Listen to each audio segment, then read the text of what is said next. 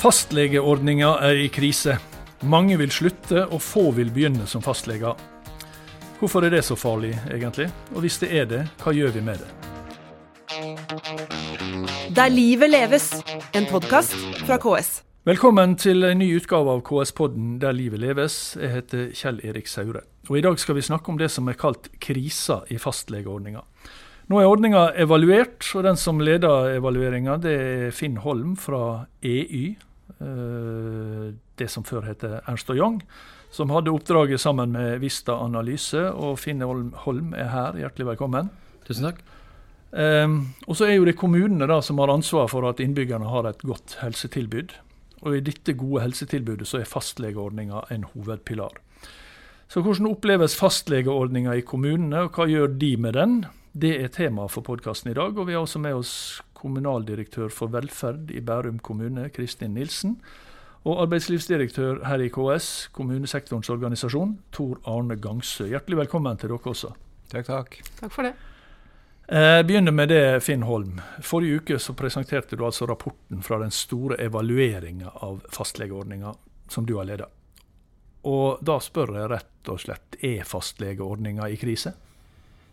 Ja, nå har vel ikke vi brukt ordet krise, men vi har sagt at den er under sterkt press. Eh, og det har vært en omfattende evaluering som har pågått eh, nesten et års tid. Hvor hovedhensikten, eller noe av hovedformålet også fra vår side, er jo å få fram et godt faktagrunnlag som i hovedsak trepartssamarbeidet kan bruke til å komme videre i samarbeidet rundt fastlegeordningen. Trepartssamarbeidet? Trepartssamarbeidet om, om Kommunenes sentralforbund, KS, Legeforeningen og Direktoratet departement. Eh, som, eh, for det har vært mange utredninger. Det har vært mye debatt, eh, mye omtale. Eh, og kanskje har man sett behov for å ha en tredjepart som kan gi en uavhengig analyse av, eh, av, ordningen. Men når dere ikke bruker ordet krise, så betyr det altså enten at det ikke er krise, eller at dere ikke vil bruke ordet, eller at det er krise noen steder og ikke krise andre steder? Ja, Det er stor variasjon i hvor store utfordringene er, det er riktig. Okay. Fra små kommuner til store kommuner, til uh, forskjellige løsninger på hvordan man har valgt å ordne, innordne seg i kommunene. Det er riktig. Vi skal komme mer tilbake til, eh, til resultatene av evalueringa. Men vi snakker jo ofte, har jeg inntrykk av, om denne fastlegeordninga som noe som vi har hatt siden, eh, om ikke tidenes morgen, så iallfall eh, litt utpå dagen. Som Øystein Sunde ville sagt det. Men det er jo en ganske ny ordning, og er fra 2001, vel, ble innført da. Hvorfor er det så innmari viktig å beholde henne, Tor Arne Gangsø? Altså, jeg tror det er viktig å huske på at det, det, det som var suksessen med fastlegene, det var at man satte pasienten i sentrum. Altså at fastlege, og det må vi huske på i alt det vi holder på med nå, at fastlegeordninga er til for én ting, og det er at pasienten har behov for noen helsetjenester. Det må liksom være liksom, det vi alltid husker på. Og så ser jeg jo at Styrken med fastlegeordninga er at man etablerte en ordning der legen skal være Du skal ha én fastlege, han skal ha, være navet i alle dine helsebehov. Altså det skal være en koordinator. Det ser vi at befolkninga har satt stor pris på. Og det gjør de i Bærum òg? Ja, det tror jeg absolutt. Altså, formålet med dette som handler om at innbyggerne skal få sin faste lege, den, mm. den tror jeg fungerer bra for de aller fleste. Og så er jo spørsmålet når vi, når vi stiller oss spør, altså når vi lurer på er det en god ordning, så må vi også stille oss spørsmålet hva er alternativene. Og da tenker jeg at ikke det er bedre alternativer til det, og at det er en, en solid og god ordning som, som, ligger til grunn for fastlegeordningen. For slik eh, var oppsummeringa i evalueringa også, eh, mm. Finn Holm, at, at eh, fastlegeordninga som sådan har vært en suksess ja, det, og viktig å, å, å, videreføre. Jeg tror det er viktig å ha det med seg, som vi også oppsummerer, at den har gitt et, et tilbud til hele befolkningen. Alle er med. Mm. Eh, den har ført til en kontinuitet i det som var formålet, altså en pasient, en lege. Eh, så, så, den har jo på mange måter oppfylt det. Den skårer høyt på Difi sin brukerundersøkelse eh, for samfunnet. sånn at det er klart at fastlegeordningen har sin misjon, det er ingen tvil om. Mm. Uh, før vi går videre, så skal vi høre på en, en, en, en fjerde person. Um, for Denne uka så var jeg på konferanse i Ålesund, og der møtte jeg han som er virksomhetsleder for fastlegetjenesten i Ålesund kommune. Han heter Torfinn Vinger. Um, Ålesund er jo i dag en relativt stor bykommune med ca. 48 000 innbyggere. Den blir, blir, større, det skal vi snakke mer om etterpå. Men jeg spurte han om, om de i Ålesund opplever ei fastlegekrise, og vi kan høre hva han svarte. Hadde du spurt meg for et par år siden, så hadde vi vel sagt nei. Eh, men ting har endra seg for oss eh, forholdsvis raskt. Vi står i et generasjonsskifte. og og vi ser nå at vi, vi, sliter med å rekruttere og få søkere i det store og hele. Også på ja, sentrumspraksiser eh, som vi tidligere rekrutterte godt til. slik at med, med, antall vakanser vi har nå, så vil jeg egentlig påstå at vi er i krise. Mm. Hvorfor er det blitt vanskeligere de siste par åra? Nei, eh, det er jo kanskje som i resten av landet, da, at det har vært et lite opprør. og det er klart eh, Legene snakker sammen, og, og vi òg ser jo at Arbeidspresset har vært økende. Kanskje de økonom, økonomiske insentivene har um, ja, ikke vært tilsvarende i forhold til det som har vært ønsket. Og klart kombinasjonen med litt større lister, mindre praksiser, eh, arbeidsmengder generelt sett, eh, gjør at eh, det i hvert fall for yngre leger er lite attraktivt for mange. Er det slik at de legene som som skal begynne som fastleger, de ønsker, dere opplever at de ønsker mer eh, en fastlønna jobb? De ønsker i hvert fall et tydeligere skille mellom eh, jobb og, og pri det private. Altså ferie, fritid, familie. Eh, en del av praksisene i dag eh, ble jo oppretta tidlig 2000-tallet, mm. og, og har jo gjerne hatt samme driftsform hele veien. og og det er klart at eh, Flere leger har et ønske om å gå ned på listestørrelse, men ser at de økonomisk eh, ikke ønsker det. Er dette, er dette et eh, sånn generasjonsfenomen? Er det, er det, de yngre som ønsker mer ordna arbeidstid og mer eh, rom for privat, eh, privattid, mens de eldre eh, er på en måte vant til å jobbe mer eller mindre døgnet rundt? Ja, eh, ja ikke, hvis han liksom generaliserer litt og ser de store linjene, så er det nok litt det. De yngre er tydeligere på hva de vil, og, med rette. Det kan være litt endring i verdigrunnlaget som ligger til grunn, og litt med hvordan familiene organiserer seg. Eh, men det er helt klart at de yngre vi snakker med nå, er veldig tydelige på dette med at de, de ønsker, ønsker, ryddige forhold, eh, også for å sikre seg at, at de ikke blir fanga av praksisen. da. Hvis du skal si noe, hva er det som må til for at Ålesund kommune, som nå eh, jo blir utvida ganske kraftig, også blir ganske mye større, i, særlig i areal, eh, eh skal unngå eh, en vedvarende fastlegekrise? Det viktigste er jo at en på nasjonal basis klarer å snu trenden i forhold til at det å være fastlege nå er blitt såpass lite populært som det viste seg i rapporten. ikke sant? At vi må snu trenden der det er flere leger som går ut, enn det som ønsker seg inn. For hvis det her fortsetter, så vil jo spesielt da kan du si utkantene, i hvert fall for vår del, eh, slite mest. For vi vet jo at eh, det er en del med en, en by som Ålesund som gjør det attraktivt å bo her. og, og eh, og Det er det i distriktene også, men, men, vi ser at det er enda større utfordringer å få fastleger der enn, enn i Ålesund. Men eh, hva skal til da? For altså, Du sier nasjonalt så må man snu denne trenden. Men hva skal, er, det, er det da myndighetene, nasjonale myndigheter som må gjøre noe? Ja, det jeg mener at De må inn og se på det? Ja, de må i hvert fall hjelpe til. For det handler jo på en måte om oppgaver som blir tillagt fastordninger. Det handler om eh, at de ønsker å jobbe enda mer pasientrelatert. Hvordan kan han gå inn og, og, hjelpe å løse det? Det handler jo om å gjøre fastlegeyrket attraktivt igjen, noe som man kanskje opplever at, at det ikke er akkurat nå. Det sa eh, Torfinn Winger, altså i Vingen, unnskyld, i, i, i Ålesund. Eh, og nå blir jo Ålesund da slått sammen med fire eh, omkringliggende kommuner, eller fire nabokommuner. Det øker folketallet med sånn ca. 35% tror jeg, men det øker arealet med jeg tror det var 530% Altså Det betyr jo at de tillegger kommunen eh, mye mer utkanter. Det blir vel ikke noe lettere å løse legekrisen i Ålesund da, Tor Arne? Nei, det tror jeg for så vidt ikke. Vi, det, som det for så vidt kom fram både i din innledning og, og fra Ålesund, så har vi jo sett disse utfordringene i distriktskommuner over veldig mange år.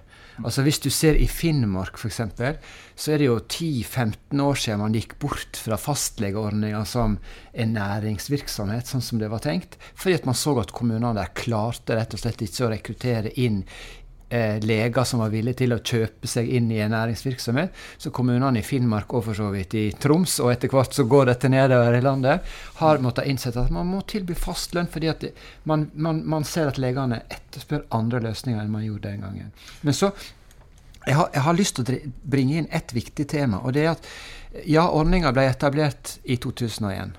Men så skal vi tenke litt gjennom hva er det som har skjedd i norsk helsevesen siden 2001. I 2012 så fikk vi innført Samhandlingsreformen. Det betydde at det ble flytta en masse nye arbeidsoppgaver over på kommunesektoren. Eh, og det var, det var bevisst. Mm. Og så sa man den gangen at man forventa at man skulle styrke legetjenesten i kommunen med minst 2000 leger. Hva er det som har skjedd? I disse årene. De siste ti årene så har landet som sådan fått tilført 5800 nye leger. 600 av disse har kommet til kommunehelsetjenesten. Mm. På ti år. Mm. I en periode der kommunesektoren har fått masse nye oppgaver. Mm.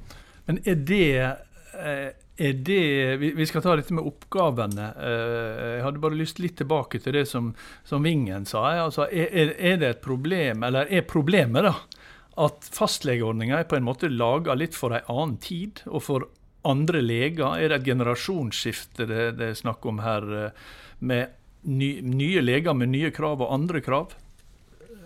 Finn?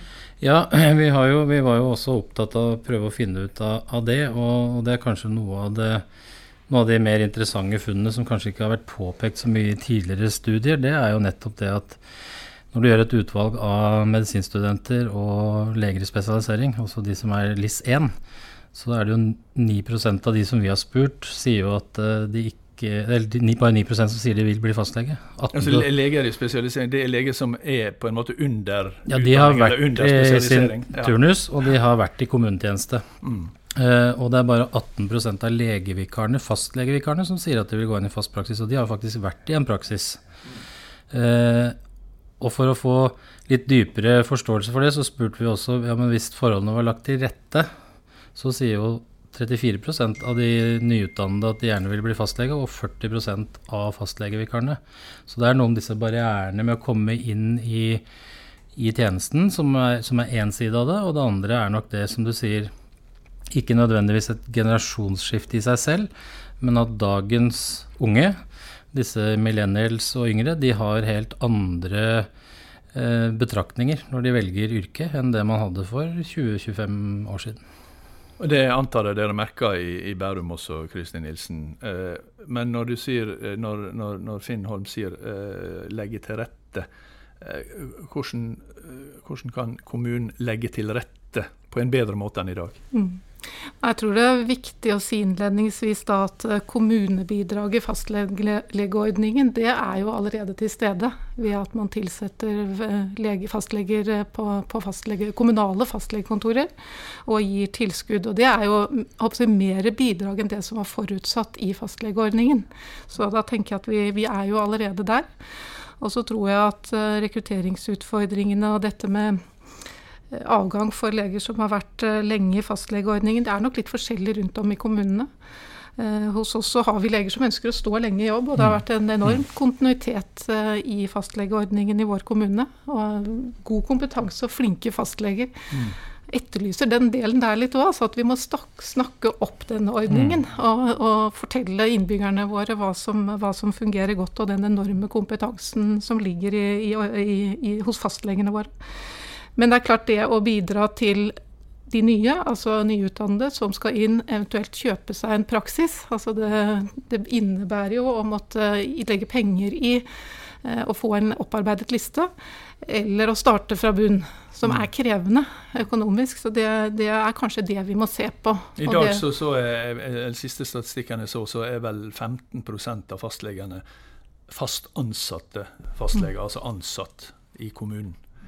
Eh, resten er jo da eh, næringsdrivende. Eh, de er bedriftsledere. De skal ha kontor, de skal ha kontoransatte, de skal altså sekretær, legesekretær, de skal ha regnskap. De skal ha alt som kreves for en, en bedrift. Eh, disse som da vil, er, er det da slik at yngre leger heller vil være mer leger og mindre bedriftsledere? Det, ligger, ligger, ligger, det en del av løsninga der? Må, det bli, må, dette tallet på 15% øke, og hvor mye? Liksom? Skal det bli 100 mm. Jeg, jeg, tror ikke det er bærekraftig at vi skal ha bare fastlønnede fastleger. Eh, det vil i hvert fall kreve eh, at kommunene er rustet til å, til å, håndtere det. Jeg tror ikke alle fastleger ønsker det heller. Det ligger en frihet eh, og en, et faglig utviklingspotensial i det å, å være en selvstendig virksomhet. Så signaler våre leger gir, er at det er begge deler. Er begge Noen deler. ønsker seg fastlønnede stillinger, og andre, andre, gjør det ikke. Det er også ditt inntrykk, Tor Arne? Ja, vi, vi har jo en velutvikla medlemsservice, og nå egentlig fanga opp disse tingene på en veldig god måte. Eh, det er jo riktig som du, som du sier, Kjell Erik, at 15 eh, av, fastlegene, nei, av, leg, av, fastlegene er nå fast ansatte. Og det tallet er jo økende, det har vi jo sett. Men hvis du snur litt på det der bildet, så ser vi hvor stor andel av norske kommuner har fastlønt, eh, og hvor stor andel av, legene, nei, av norske kommuner har næringsdrift. Så er det slik at det er bare 43% av norske kommuner som har bare næringsdrift. Mm. Det betyr jo at det er jo sånn at de kommunene som etablerer bare næringsdrift, har et næringsgrunnlag som fungerer. Altså det er stort nok, f.eks. Mm. Og dermed ser man også attraktivt å, å kjøpe seg inn i en næringsvirksomhet. Mm. Mens hele 23% av norske kommuner har nå bare fastlønn. Og resten har en kombinasjon av dette. Så når man ser på bare 15% så blir det litt sånn feil. For vi ser at veldig veldig mange kommuner opplever at det er ikke et næringsgrunnlag, eller at legene vil ikke. Mm. Og vi har eksempel på kommuner som får mange søkere på, stilling, på, på ledige hjemler, men de vil ikke kjøpe, kjøpe, seg inn i en bedrift. De vil bli fast ansatt. Og når jeg sier det, så er det ikke fordi at vi går inn for at alle norske leger skal være fast ansatt. For det tror jeg Kristin har rett i, at det, det, vil sannsynligvis ikke være bærekraftig. Men jeg tror vi må få en modell som er noe mer fleksibel enn det vi, vi etablerte i 2001. Hva sier legene sjøl, da? Nei, de, de, de, sier jo mye. eh, og det er jo sånn at de, når vi spør disse yngre mm, medisinstudentene og legene, så sier de jo at eh, de vil gjerne ha fastlønn når de er under spesialisering. Det er en stor ja. overvekt. Over 80 sier jo det. De sier for så vidt ikke at de må ha en fast ansettelse, men de sier noe om at de vil ha den tryggheten og det som ligger i rammene rundt det samme som en fast ansettelse. Eh, men når du da ser på hvordan de tenker seg etter de er ferdig med spesialisering, ja, så er det sånn halvt om halvt med de som har svart, om de vil fast, fortsette å være en fast ansettelse, eller om de vil være næringsdrivende. Så det er noe med den inngangsbarrieren som jeg tror skremmer de fleste. Mm. Men hvis vi skal nærme oss denne problemet, altså både det som, eh, som Torfinn Vingen eh, nevnte, og som jeg la merke til at du avslutta ditt innlegg da du, da du presenterte denne rapporten, så sa du at eh, vi må rett og slett gjøre fastlegeyrket mer attraktivt. Mm. Og, og det, det, er jo, det, det, mener jeg. Det er jo lett å si. at, uh, Men hvordan skal man gjøre det mer attraktivt? Nei, det, det, er et viktig poeng i det. For når vi spør hva de verdsetter i fastlegeyrket, så er det jo nettopp det samme som jeg var inne på her tidligere. De vil gjerne ha den autonomien, de vil ha den fagligheten som ligger i det å være fastlege. Det synes mange er spennende. Men disse her barrierene da gjør allikevel at de ikke vil, og det går jo på, det går på økonomisk trygghet, det går på arbeidsmengde i hovedsak. Mm. Så man har en oppfattelse av at Rett eller gærent, men det er i hvert fall den oppfattelsen de har. da, at det, det, er, det er, sånn det er å være fastlege. Så Å framsnakke fastlegeyrket er nok ikke noe dårlig idé. Men det er jo ikke akkurat det vi har eh, hørt de siste, siste åra, framsnakking. Eh, tvert imot så er jo det nettopp krise vi har hørt om. Og det er jo derfor, er jo derfor du fikk jobben med å evaluere det. Eh, og, det, det, og, det, er derfor vi sitter her, for så vidt. Men eh, en ting jeg la merke til på statistikken, var jo at da dette begynte i 2001, så var 28% av fastlegene kvinner. I 2018 så var det 44, eller omtrent det. Eh, sier det noe om denne altså er, er, det også en del av dette bildet at vi ikke lenger har jeg holdt på å si, Være litt sjablongmessig, da. Eh, en mann med hjemmeværende hustru som tar seg av familien, og så jobber han mer eller mindre døgnet rundt og tjener gode penger. Mens nå er veldig mange flere av legene kvinner og unge som ønsker å faktisk ha tid til familie og familieliv. Eh, Kristin? Ja, nå tror jeg også at uh, med mannlige fastleger har lyst til å ha tid ja, til familieliv, og at det, det er nokså likt. sånn at jeg tenker at uh, det vi ser da, uh, til disse fastlønnede legekontorene våre, så, så, er det mange søkere. Og det er mange av de yngre som søker de, de fastlønnede stillingene. Så det er et signal. Og det var vel også en ganske høy andel kvinner som søkte når vi hadde utlysning på det. Mm. Men det er dette med attraktiviteten, altså. Det å på en måte snakke opp det som ligger av muligheter i den fastlegeordningen, de faglige utfordringene, de medisinske utfordringene som, som ligger i det det er et variert og spennende yrke, og det er en spesialitet som, som er høyt verdsatt. Spesialitet i allmennmedisin.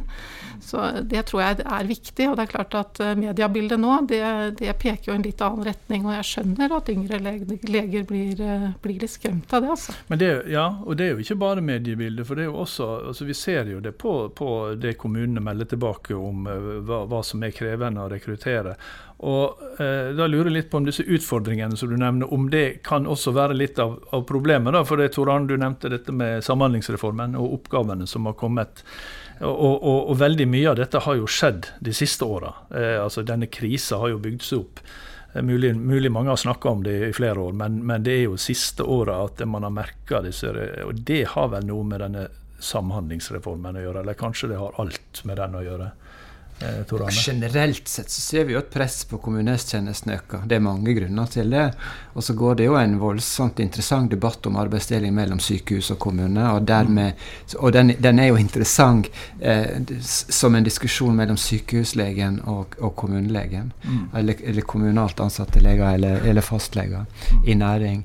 Eh, for det er klart at Skal vi løse dette, her, så kan ikke vi bare dyrke krisebegrepet. Altså jeg tror vi må, Alle her snakker om opp, prøve å snakke opp et yrke. Så tror jeg vi må i, i, i vårt land slutte å snakke om krise. altså Krisebegrepet bør vi bruke med omhu, tror jeg. Eh, men det, det blir, på, det blir jo pekt på helt sentrale utfordringer, nemlig arbeidskapasitet. Altså Arbeidsmengden er stor, det er det ingen tvil om. Eh, og Da må vi gå inn og se på hva kan vi gjøre med dette. Og så er problemet at penger løser ikke nødvendigvis alt her. Det var bra du, du, du, sa, for det hadde jeg tenkt å spørre om. nemlig for Legeforeninga sa jo at staten må inn med milliardbeløp. Vil det løse eh, Altså, hva vil det løse, Kristin? Mm. Nei, altså dette handler jo om um, det handler jo om finansieringsordninger, og det er vi jo alle kjent med at, eh, at Legeforeningen har vært opptatt av. Det er også kommunene opptatt av. Ja, for kommunene betaler Jeg syns jeg så en undersøkelse på at kommunene subsidierer ordninga i realiteten med 440 millioner i året. Ja. Så det er kommunen interessert i. Men utover det, hva, hva, er, det er det penger det handler om dette? Jeg tror ikke det bare er penger. For jeg tror det handler om, og jeg kjenner meg godt igjen i dette med oppgaveoverføringen som har skjedd litt stille. Ikke sant? At vi har snakket mye om oppgaveoverføring til kommunene, men veldig lite til oppgaveoverføring til fastlegene. Så på sett og vis er de litt oversett i det. Det tror jeg faktisk at vi må erkjenne. Eh, I tillegg til at de har den sentrale rollen som portvakt inn i sykehusene òg. Så vi er jo helt avhengig av et godt samarbeid med fastlegene for å få god flyt i helsetjenestene. Mm. Men jeg tror det, det, viktigste vi er opptatt av i Bærum, det er jo at fastlegetjenesten må utvikles i tråd med de øvrige helsetjenestene. Tenk på alt som har skjedd i helsetjenestene de siste årene. Med, med, innovasjon, med tjenesteutvikling, med dette med å se på mer tilgjengelige tjenester, digitale tjenester, ny teknologi. Og da er det kanskje sånn at finansieringsordningene vi har i dag, ikke helt understøtter at fastlegene kan være med i den reisen. Og det tror jeg de må. Det handler om å, å utvikle mer effektive tjenester. Det handler om å tenke nytt. Det handler om tjenesteinnovasjon og utvikling, altså. Tor Arne? Ja, jeg har egentlig lyst bare å følge opp det siste fra Kristins side, som jeg syns er kanskje enda mest alvorlig. Det er jo at vi ser at i den, i den gjennomgangen som, som, EU har gjort, så er det jo sånn at uh, befolkninga er veldig godt fornøyd med fastlegeordninga. Men de som er mest fornøyd med fastlegeordninga, det er de friskeste pasientene. Og der, der fastlegeordninga virkelig svikter, det er i forhold til pasienter med store sammensatte behov, rus og psykiatriske utfordringer. Mm. Det, er det er jo vi nødt til å ta på alvor hvis vi, hvis vi legger til grunn det vi starta med, nemlig at fastlegeordninga er til for pasientene. og Da må vi ha fokus på de som virkelig trenger legetjenesten aller mest, og det er de sykeste. Og der, Da er vi inne på økonomi. Mm. For der vi ser at vi har, vi har designa et økonomisystem som premierer rask behandling, og som gir mange, god mm. uttelling egentlig for de friskeste pasientene. og Det er vi nødt til å håndtere. Og Så har vi en lang diskusjon om dette med nærings styringsmodell. For det er klart, det er kommunen som etter loven har ansvar for å levere disse tjenestene. Det er ikke fastlegen. Men, men, kommunen er nødt til å gjøre dette gjennom denne såkalte hybridmodellen som ble etablert i 2001. Og der oppstår det noen styringsutfordringer. Der kommunen skal levere en lovpålagt tjeneste gjennom noen som ikke er i styringslinja til kommunen. Og Der oppstår det gnisninger mange plasser, dessverre. Og der ser jeg at eh, kommunesektoren og legene har et en stor utfordring å utvikle dette. Og så ser vi at næringsvirksomheten i mange deler av Norge bygger jo på at kommunen går inn og subsidierer. Såkalte 8-2-avtaler som, som, eksploderer nå, der kommunen går inn og betaler nesten alt som ligger rundt legens mm. virksomhet, for å få dette til å gå rundt. Så det begynner å bli dyrt for kommunesektoren. Ja. Eh, Finn Holm, du har brukt som sagt nesten eh, et år på å snakke med veldig mange folk og, og, uh, innenfor dette systemet. Og Eh, du har levert en rapport, og spørsmålet til, som du får til slutt, er hva er det første og viktigste som må gjøres for å sørge for, eh, for å, å si, begynne å avverge denne krisa?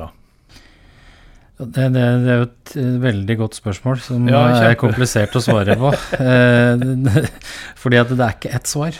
Jeg tror det er mange forskjellige svar. Jeg tror, tror Arne har vært inne på noe av det. det er både i, til, både i, forhold til, oppgavefordeling og finansiering så tror jeg man må se på forskjellige løsninger. Og kanskje er løsningene forskjellige avhengig av hvor du er i landet. Men da fikk du siste ordet, og det var det vi rakk i KS-podden Der livet leves i dag. Vi er tilbake eh, om ei uke, neste fredag, med en eh, ny episode. Og den som har laga denne, det var Tormod Ugelstad og Kjell Erik Saure. Og takk til gjestene. Der livet leves, en podkast fra KS.